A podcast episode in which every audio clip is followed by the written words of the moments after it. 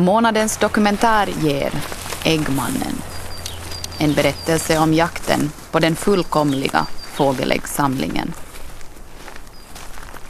Ägg är oerhört vackra, de är, de är fullkomliga på något sätt. Att det finns ett nätverk av äggsamlare, det, det, det är jag övertygad om. Och eh, det var ju det, i det här sammanhanget också. Faktiskt i Europa det, det är mycket stor business. Ett ägg är, det är skört och fragilt, vackert. Så vi förstod ju på något sätt att de här äggen är dolda bakom gamla etiketter. Vi väntade någon liten samling, cirka 100 fågelägg eller sådant. Men den storleken var helt, helt annat som vi trodde. Jag sa det bara att ho, ho. Ingen kunde säga någonting. Vi bara tittade att vad, vad, vad, vad är det här? Och är det möjligt? Nej. Men det var nog möjligt.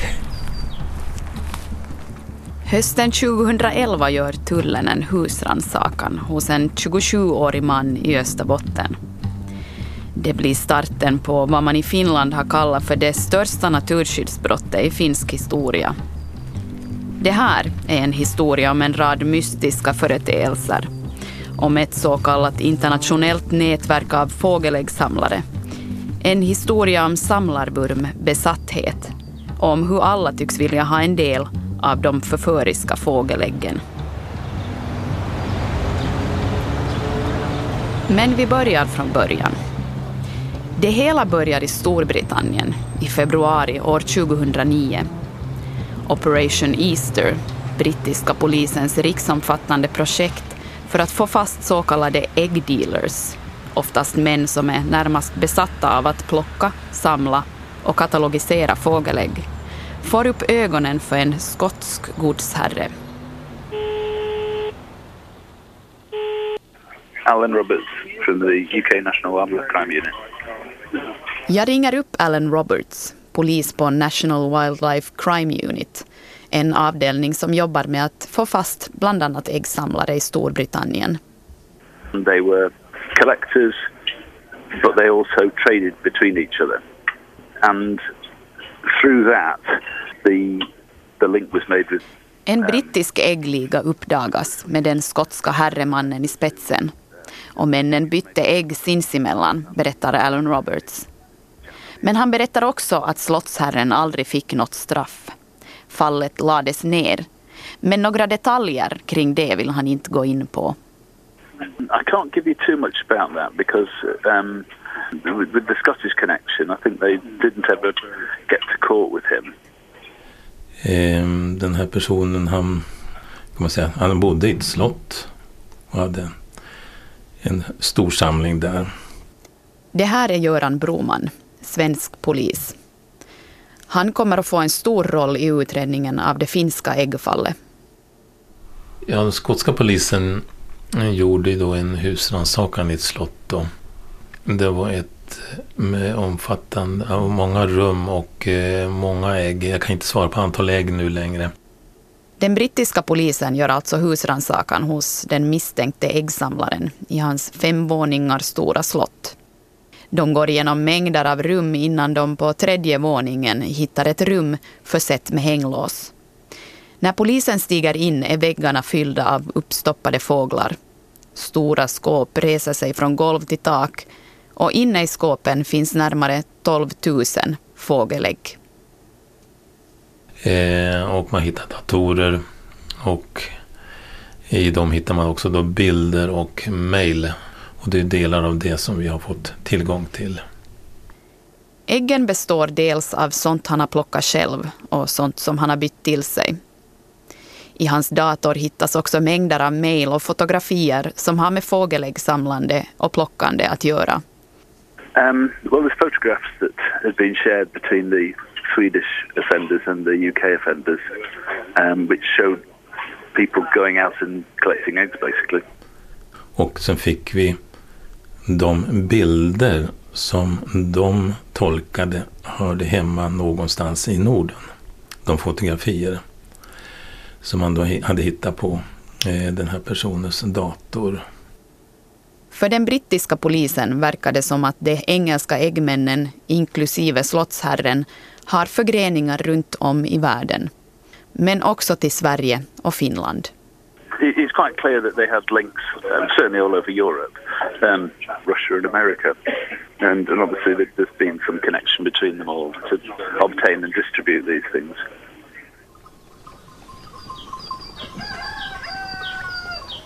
Att plocka fågelägg är ingenting nytt. Barn på landet har i alla tider plockat fågelägg i naturen. Antingen för att äta, för att skapa en komplett samling eller för att tävla med grannen om vem som har hittat ett större, vackrare eller ännu mer sällsynt ägg.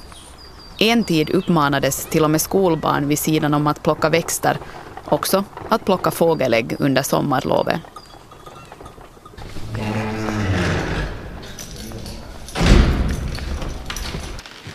Vi ska snart fortsätta med äggjakten. Men först träffar vi Torsten Stjernberg, tidigare intendent på Helsingfors naturhistoriska museum. Idag gästforskare i samma hus. Det här man brukar starta med, det här är en slags äckelse. Mm.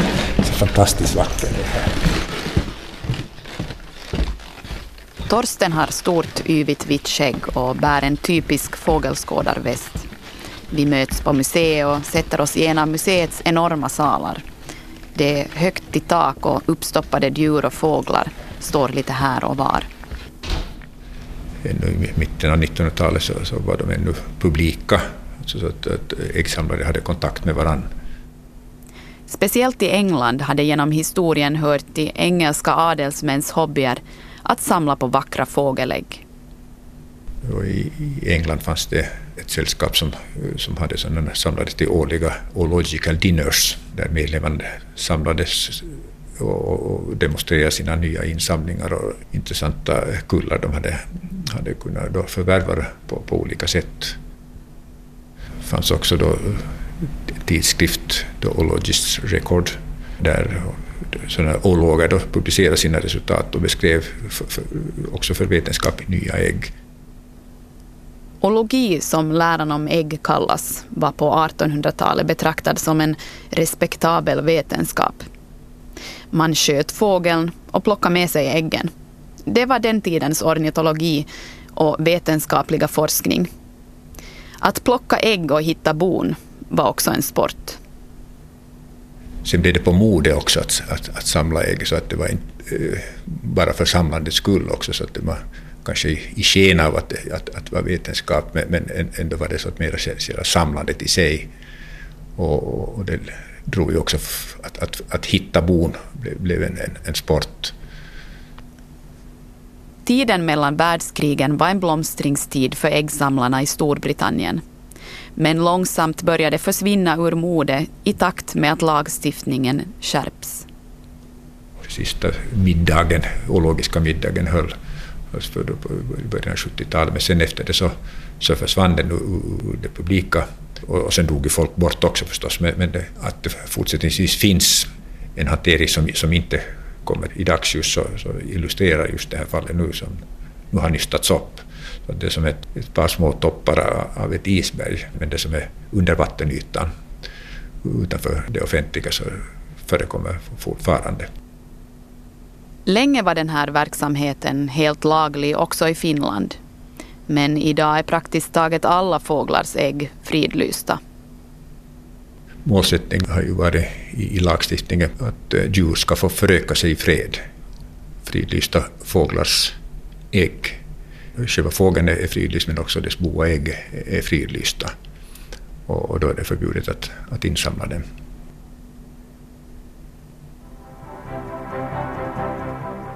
I Österbotten fortsätter man att förvånas över Närpesbon som samlade på sig tusentals ägg från fridlysta fåglar.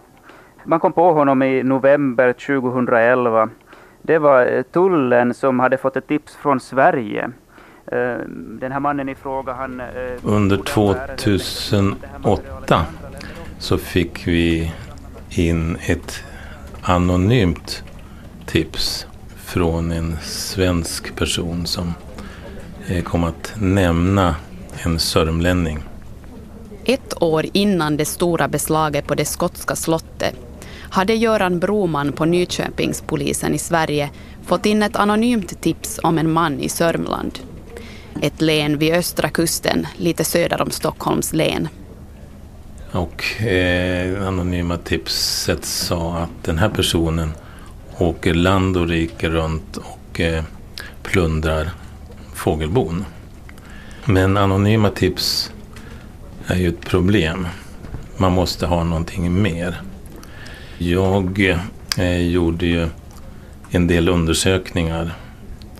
Tittade runt omkring hur han bodde och levde. Eh, vi kan säga att vi hittade ingenting som vi kunde påstå att med säkerhet att man plockade ägg och plundrade bon. Så eh, förundersökningsledare, då, en åklagare i Nyköping, la ner det ärendet då. Det dröjer ett år innan Göran Broman får ta tag i ägghärvan en gång till. Vid årsskiftet 2009 och 2010 kommer ett nytt tips, men denna gång från England och Interpol London. Så fick vi en eh, underrättelseinformation från eh, Interpol London och till Interpol då Stockholm. Den här informationen var... Ja, dels så nämnde man då att eh, man hade då gjort husrannsakan i Skottland och där hittat en äggsamling och också hittat spår av mejl till Sverige och då till Sörmland. I mars 2010 gör Göran och hans kollegor husrannsakan hos mannen i Sörmland. Alltså hos samma man som Göran har fått ett tips om året innan. Troligtvis så trodde han väl inte att vi skulle komma och hälsa på. Eh, ja, han sa väl vid ett tillfälle då direkt i början, jag trodde inte ni brydde er om och sånt här. Den, någon, den typen av kommentar fick jag direkt i början. Så han blev lite förvånad ändå.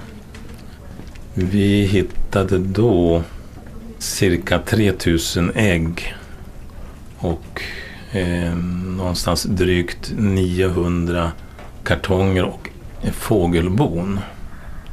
Alltså fågelbon med ägg. Och då låg då äggen antingen en och en eller två och två eller tre och tre så att säga för varje som är ett rede. Vi hittade även telefon, dator och eh, vi hade då inga som helst misstankar mot andra personer. Först har Nyköpingspolisen inga som helst aningar om att det ska finnas fler äggsamlare inblandade. Men när de går igenom datorn och telefonen hittar de mejl om fågelägg till två andra personer i Sverige. Men också sms-kontakt till ett finskt telefonnummer. Han skriver, när han kommer då till Stockholm. Eh, tänkte om du släpper EMB Karl så kan du också få en korvfru 4 och glad pas. De här smsen var lite kryptiskt utformade. Det var inte utskrivet tydligt utan man använde förkortningar av latinska namn. Om man börjar titta närmare på det så EMB Karl, det är då latinska då för en kornsparv. Eh, Embersia calandra. Och det är en rödlistad, starkt hotad art. Korv 4. Corvus friceligus. Det är en råka. Gla pas. Eh, Det är En sparvuggla. Man kunde då också jämföra det med de ägg som vi hade och kunde spåra koppla ihop ägg som fanns hos, i Sörmland då med de namn som fanns då i smsen.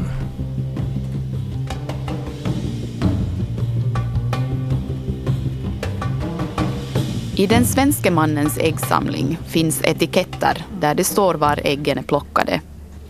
Genom att para ihop de kodade smsen och äggen med de fotografier de hittar i den sörmländske mannens dator inser de snart att allt inte stämmer. Det var samma plats, samma månad, samma dag, eh, men 49 år fel. Så vi förstod ju på något sätt att de här äggen är dolda bakom gamla etiketter. Varför han valde just 49 år vet jag inte. Om det var ett misstag, han hade tänkt sig 50 år eller om det var... Eller om det fanns någon tanke bakom vet jag inte riktigt. Eh, så att eh, de åldrades 49 år på transporten över till Sverige. Biologerna som undersöker den svenska äggsamlingen reagerar speciellt på en viss arts ägg, ägget från vitkindad gås. I vår sörmländske man, han hade i sin samling en liten låda med vitkindad gåsägg. Och eh, på den etiketten då fanns det uppgifter om att äggen var plockade på viss plats i Närpes. Ja, Närpes är ju bekant för mig för att jag har släkt som kommer från Närpes. Så att jag, eh, etiketten fastnade. Jag fastnade för etiketten när jag såg den. Och det var vitkindad gås. Och datumet var satt till första juni 1960. Eh, våra ornitologer reagerade direkt på datumet där och sa att det här stämmer inte.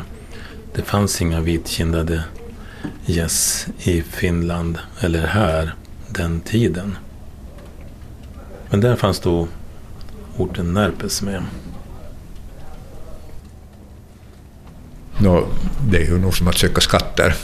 Det, det är kanske just en del av fascinationen också inför som e, äggsamlare har, har ägnat sig åt, att just det själva fältarbetet, att, att ta sig, att vara på rätt plats vid, vid rätt tid.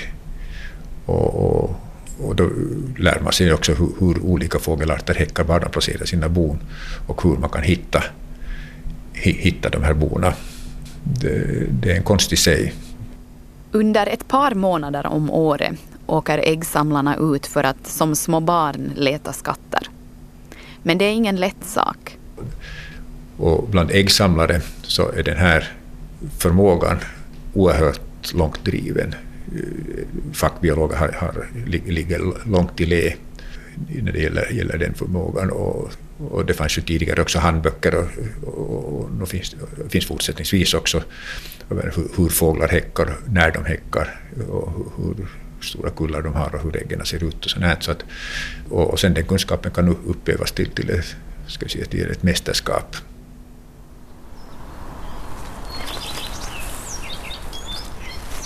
Jag åker och träffar en mästare, Tage Wahlberg i Sverige. Kan jag berätta. Jag började med att leta fågelbon 1940 i juni. Jag var fyra år och två månader då. Och då började jag samla ägg. Och jag höll på med det fram till 1962.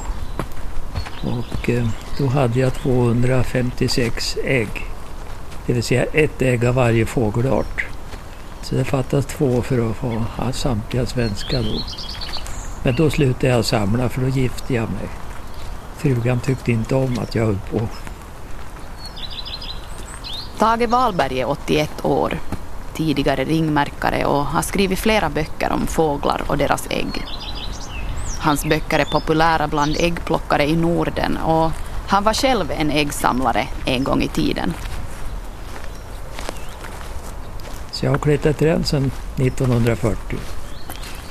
Var aldrig med klätterskor, aldrig med rep, alltid naturellt. Friklättra. Det gör jag fortfarande. Man kommer på olika saker alltså. Sen så kollar man upp om det verkligen är ett system eller om det bara är en tillfällighet. Sen tittar de på Bo. Emellanåt så tittar man rakt ner på Bo. Och sen fortsätter de varna och flyga runt. Så när han tittar på samma ställe mer än två gånger, då vet jag var Bo sitter. De avslöjar själva var det sitter utan att veta det. Det är så mycket alltså som visar var bona ligger. Sammanfattningen gör att man hittar bot lätt, ofta väldigt snabbt. Och då blir störningstiden väldigt kort. En gång fastnar så sitter man fast alltså. Det går inte att komma ur. Man måste ut och titta. Även om man har sett 500 bon av samma art så måste man ändå se det 501. Det går aldrig att göra någonting åt. Det där är en sjukdom hos alla.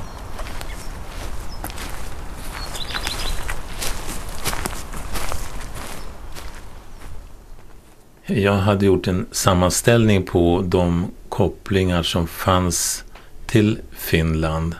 Det här eh, sände jag över då till eh, Rikskrim som förde över det här till Finland via de officiella kanalerna. Och eh, finska myndigheter valde då att föra över det till tullen. I slutet av oktober 2011 vi fick eh, så kallad underrättelseinformation från svenska polisen. Ärende faller på förundersökningsledare Seppo Mäkitalos bord i Karleby. För Seppo som normalt sett jobbar främst med narkotikahandel var det här ett lite annorlunda fall. Det var eh, mycket överraskande därför att jag vet och min grupp vet ingenting om det här branschen. Och vi måste börja från början det här allt. Men, men lyckligtvis vi har en bra expert med oss och han hjälpte från början till slutet. Jag kände tidigare Seppo Mäkitalo och han fick det här härvan och ringde till mig att nu har dykt upp någonting mycket speciellt och eh, han frågade att kan du komma hit till tullen? Seppo Mäkitalo ringer till sin gamla kompis fågelskådaren och biologen Harry Hongell. Jag frågade om han kan ge tjänstehjälp cirka en vecka men han var hos oss ett och halvt år. Vi beslöt att göra slag till Närpes åkte med två bilar dit. För vi visste inte att hur många ägg kan vi kanske hitta och vi tippade att kanske 200, kanske flera hundra, men det var allt. Och vi hade bara en normal paketbil och sen en sämre bil.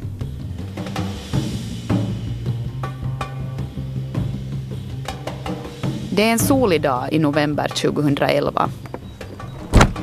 Förundersökningsledare Seppo Mäkitalo stiger in i sin Volkswagen Golf i Karleby. Bredvid honom i bilen sätter sig biologen Harry Hongell. Efter dem åker två tullmän i en paketbil. De är alla på väg till Närpes. Det var alldeles ny sak för mig. Jag har aldrig varit med i sådana attack kan vi säga. Vi försökte uh, hitta vår man och det tog tid att köra med bilen i Närpes runt omkring. Väl framme i Närpes möter de en bil med samma registreringsnummer som äggmannens. Tullens bilar vänder om och följer den bil som de misstänker körs av just Närpeskillen. Men bilen försvinner ur sikte. Det tog ännu nästan en timme att hitta den. Efter att ha kört omkring i Närpes en stund hittar de slutligen Närpesbon på hans arbetsplats. Ett växthus en bit från centrum. Han var alldeles nervös och försökte försvinna, alltså stiga till bilen och köra bort, men det var omöjligt och vi tog honom fast. Aha, tog ni riktigt med, med handklovar och grejer? Jo.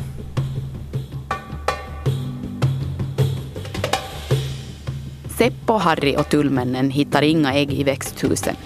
Förundersökningsledare Seppo åker därför iväg med Närpesmannen till hans hem för att göra en husrannsakan där. Och det är där den stora överraskningen väntar. Seppo ringde att hej grabbar kom hit nu. Han sa det ingenting bara kom hit nu. Och så kom vi dit och det var alldeles fullt i en korridor. allt möjliga uppstoppade djur, fåglar. I Närpesmannens tvåvåningshus finns en lång korridor med flera rum för uppstoppning av djur och tömning av ägg. Döda fåglar ligger i frysen och en del av fåglarna är redan uppstoppade. De hittar utrustning som används för att klättra i träd och för att tömma fågelägg. På andra våningen finns den stora äggsamlingen. Pafflådor är radade på varandra från golv till tak och i hörnet står ett stort brandsäkert metallskåp fyllt av tomma fågelägg. Ja, vi hittade cirka 9000 fågelägg, 200 döda fåglar som var i frysboxen och 70 uppstoppade fåglar. En stor del av äggen är ägg från fridlysta fåglar. Det största ägget, ett Madagaskar-strutsägg, en art som dog ut för flera hundra år sedan. Vad tänkte ni liksom då? då? Jag sa det bara att ho, ho. Ingen kunde säga någonting. Vi bara tittade att vad, vad, vad, vad är det här? Är det möjligt? Nej. Men det var nog möjligt. Nå, vi tänkte att vad betyder det här allt och, och vad, ska, vad ska vi göra följande och hur, hur kan vi... No, det, det var ju klart att vi måste ta i beslag hela det här materialet. Och, och så vi funderade hur kan vi transportera dem och, och vart. vi tog en liten paus för att tänka att vad ska man göra med det här. För det här samlingen var så stor att den ryms inte till vår bil. Och så var det också uppstoppade fåglar och uppstoppade djur, stora mängder. Och vi tänkte att vad ska vi göra?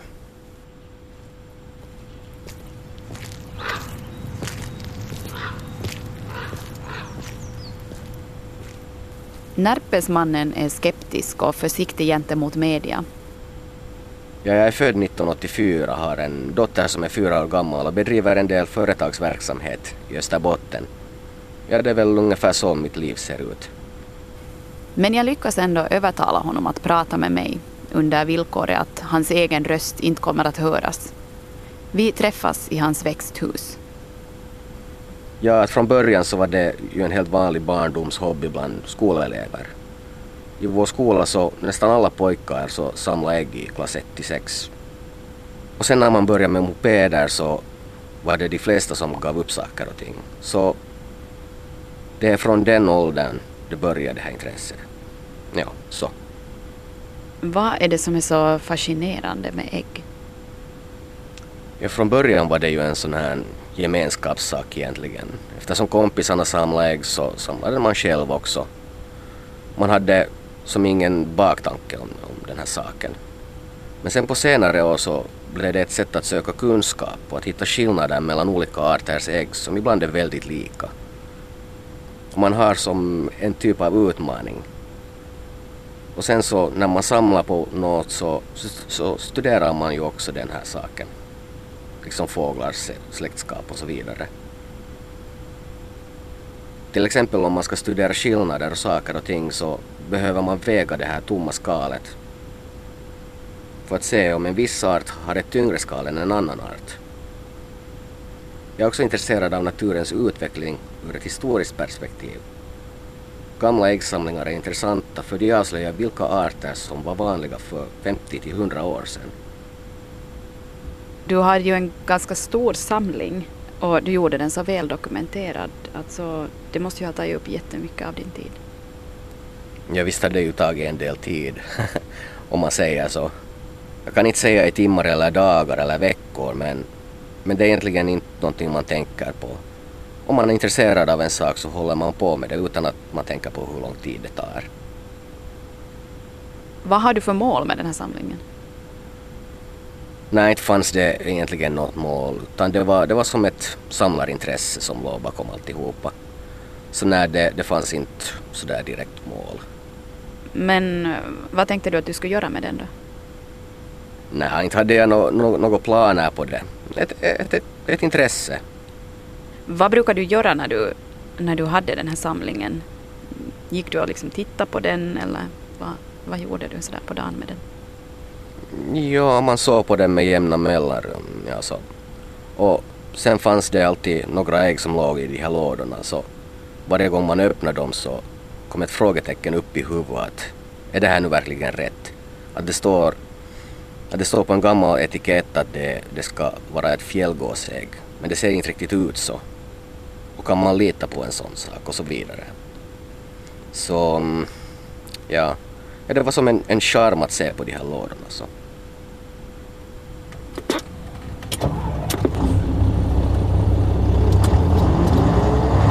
Seppo ringde till Kaleby och beställde en stor långtradare, så kan man säga, att komma dit. Ett helt långtradargolv fylls med lådor av ägg och sen börjar färden tillbaka till Karleby. Bilen körde cirka 40 kilometer per timmen från Närpes till Karleby. Ingen ägg av 9000 gick sönder. Och det tog 17 timmar. Från Karleby till Närpes och tillbaka. Vi hade så mycket sakerna med och så mycket ägg och så mycket redskap och så mycket uppstoppade fåglar av att vi måste röja först en rum ledigt och lagren ledigt för att ställa de här mitt i natten. Det var ungefär två i natten då vi kom hit och fyllde upp hit alla möjliga som var med och sen gick vi sov. Vi var trött. Det är här Harry Hongels riktiga arbete börjar. Att gå igenom alla ägg och värdesätta dem. Finland är ett av de få länder i världen som har ett pris på varje fågelart och dess ägg.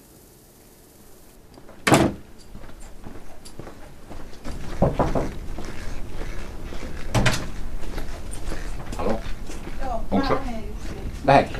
Joo. Aha, sä istut tässä missä kaikki. Joo. Vielä jonkun aikaa hänellä on kavereita.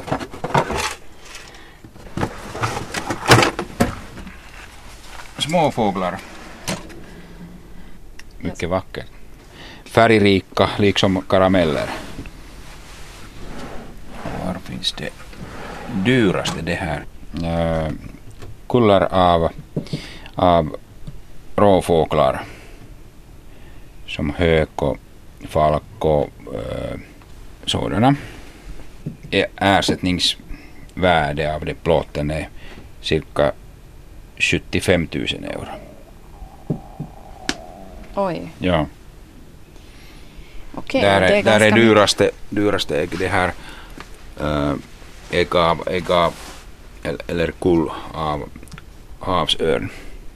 Ersättningsvärde är 7400 euro. Ja. Nu de är äh, stolpskor.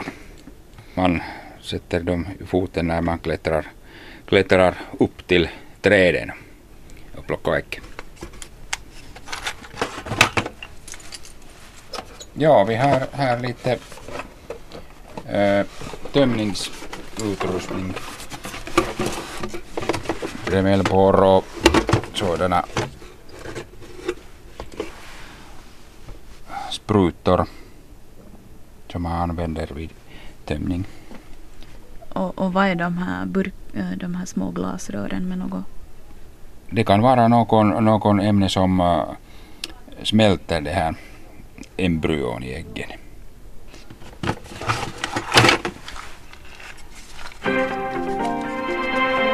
Äggsamlaren dömdes för sitt eget samlande under åren 2003 till 2011. Förutom att han själv har plockat ägg ur fågelbon har han också fört in ägg från utlandet. En stor del av äggen var från fridlysta fåglar. Bland de beslagtagna Närpeskillen döms i maj år 2016 till ett år och fyra månaders villkorligt fängelse och 250 000 euro i skadestånd i Vasa hovrätt. Priset på sällsynta ägg kan vara högt och enligt åklagarna hade Närpesbon idkat kommersiell byteshandel med fågelägg. Största delen av hans ägg tillfaller staten. Men tänkte du någonsin på att det kan vara att, ja, eller att det kanske är inte helt lagligt det här? Jo, nu, nu fanns väl tanken att den kan ligga i myndigheternas intresse också, om man säger så. Men du tänkte aldrig då sådär att, att någon, någon plötsligt en dag eller att polisen plötsligt en dag skulle kunna komma och knacka på din dörr? Nå, visst fanns väl tanken att någon kan komma och undersöka de här sakerna så. Men det var ju ingenting som jag tänkte på som, som hela tiden eller så. Vad tänker du nu då om den här domen som du har fått? Enligt min advokat så är den här typen av straff inte lagliga enligt EU. Att man gör en sakkonfiskation och en värdekonfiskation och dessutom påsätter ett straff i form av villkorligt fängelse eller ovillkorligt. I mitt fall villkorligt. Så jag anser också att, att det, det är för många straff för en gärning. Och att man även ska ha en ersättning för sådana ägg som hade lagligen avskilts från naturen. Så det tycker jag är ganska märkvärdigt egentligen. Nå, hur, eh, hur kändes det då att bli av med hela den här samlingen som du i princip har ja, samlat på dig hela ditt liv? Ja. Nej, jag har nog in, in, inga bra svar på den saken. Att hur ska man... Jag inte vet jag exakt hur man ska sammanfatta ett bra svar på, på en sån sak. Ja, en, eh, en viss saknad finns, ja om man säger så, men, men man går vidare.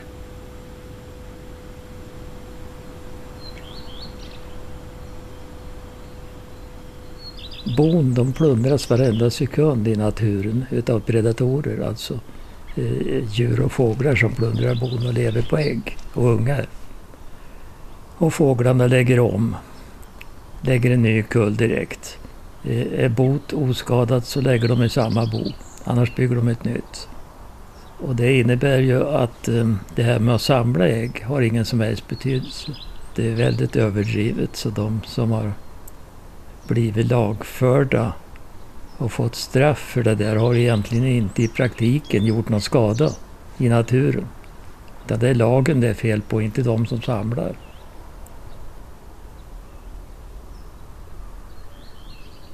Till exempel den här Tage Wahlberg som jag träffade.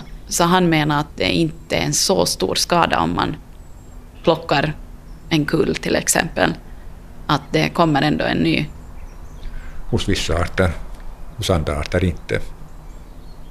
Han har rätt i det, men sen om det genomsyrar samhället i större skala så blir det här lätt en kvantitativ, får en kvantitativ aspekt. Om, om saker och ting blir hotade av någon anledning orsakade av människan så, så är det nog också människans skyldighet att, att liksom försöka putsa för egen dörr först, göra vad den, den kan. Med utdöendet i sig, så det, det hör, liksom det, det mest naturliga sak i världen. Jag tänker också skogsavverkning under häckningstid och sådär, det måste ju också vara ett, ett ja. stort hot. Det har ju en enorm effekt och, och, och där, där samhället liksom på sätt och vis ser mellan fingrarna, blundar med öppna ögon man får ju avverka också under, under häckningstid och det, det, är ju stora mängder som, som stryker med förstås då. Så är det. Men det har nog samhället accepterat tills vidare. Närpesmannens fågeläggssamling är nu i statens ägo. Men vad kommer egentligen att hända med alla de här äggen? Den här vårmannen hade inga felårtal. Han var noggrant och man kan säga nästan vetenskaplig noggrant. Alltså det här årtalfel var på Sveriges sida. Den är ytterst väl dokumenterad, proffsigt katalogiserad, proffsigt sammanställd samling. Det förvånar mig inte alls egentligen att, att den, är, den är så proffsigt gjord. För jag han, han studerade till konservator här på, på Naturhistoriska centralmuseet så han jag visste inte då att han samlade ägg, jag visste att han var mycket intresserad av ägg och vi hade ett klart utbyte av information om, om litteratur till exempel. Den vägen lärde jag känna, känna en, en ambitiös ung man och det, det hör ju till en akademisk lärares uppgift att stödja lo, lovande blivande forskare och, och, och naturvetare. Men då hade jag inte, ingen föreställning om att vi skulle mötas i rätten.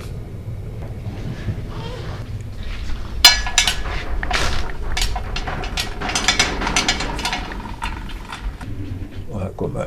Här är, här är eh, korp, olivbrun, svartgröna fläckar. No, jag ser det så att det ska komma forskningen till godo så, så är det alldeles vettigt.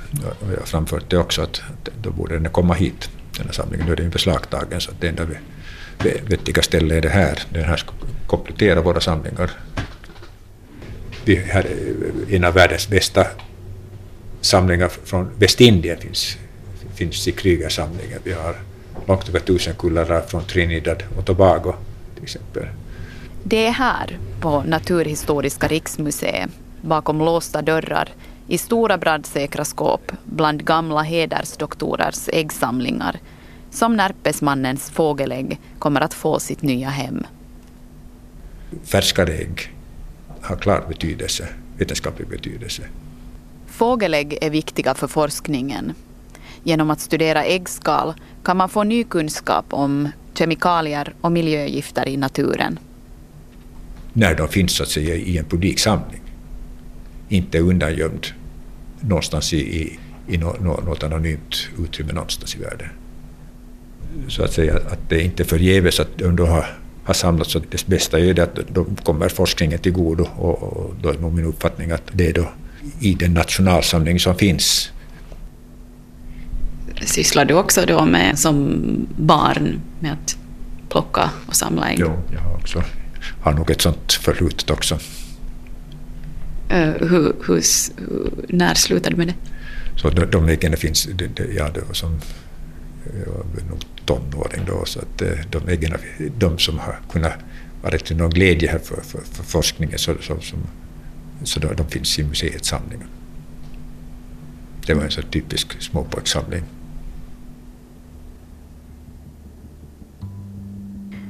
Under våren 2017 ansöker Närpes hembygdsförening om att bli ägare av äggsamlingen för att kunna grunda ett eget nytt museum för den. Men ansökan får avslag. Samlingen kommer att placeras på det stora äggmuseet på Helsingfors naturhistoriska museum.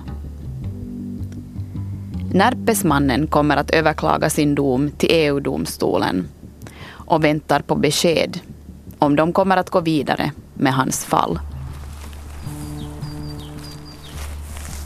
Jag vill veta hela systemet. Jag vill vara med i naturen där det, allting föds och börjar. Det är det som är intressant.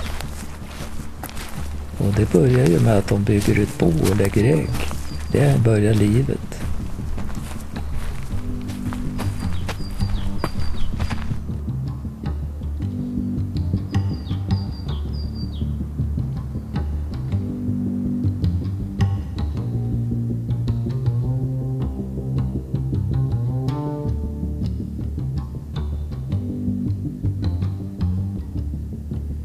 Du har lyssnat på månadens dokumentär Äggmannen av mig, Elin von Wright.